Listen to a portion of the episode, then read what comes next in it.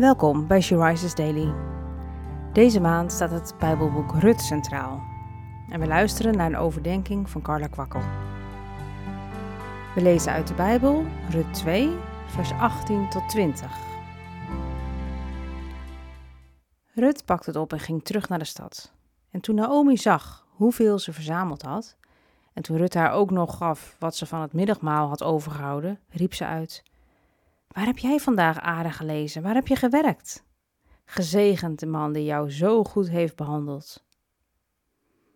Rut vertelde haar schoonmoeder dat de man bij wie ze die dag gewerkt had Boas heette.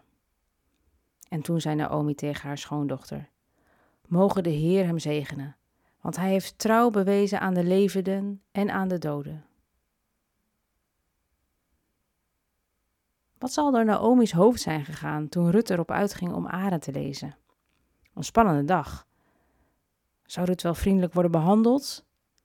Dat is niet vanzelfsprekend voor een Moabitische. Misschien werd ze helemaal niet toegelaten om Aren te rapen. Maar wat een opluchting als Rut dan thuiskomt met haar armen vol graan en ook nog een deel van haar middagmaal. Vol blijdschap roept Naomi uit: Gezegend de man die jou zo goed heeft behandeld. En als Naomi dan ook nog hoort dat het Boas is, die zo vriendelijk voor haar was, dan zegt ze opnieuw: Mogen de Heer hem zegenen, want hij heeft trouw bewezen aan levenden en aan doden. En dat is van Naomi niet zomaar een uitspraak.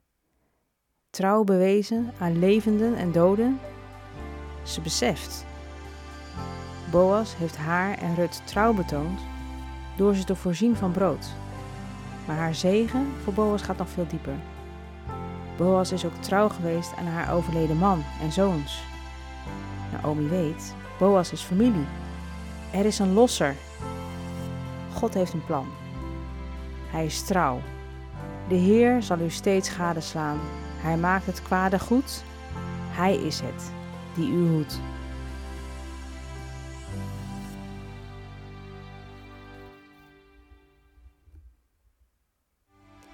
Je luisterde naar een podcast van She Rises. She Rises is een platform dat vrouwen wil bemoedigen en inspireren in hun relatie met God. We zijn ervan overtuigd dat het Gods verlangen is dat alle vrouwen over de hele wereld Hem leren kennen. Kijk op www.she-rises.nl voor meer informatie.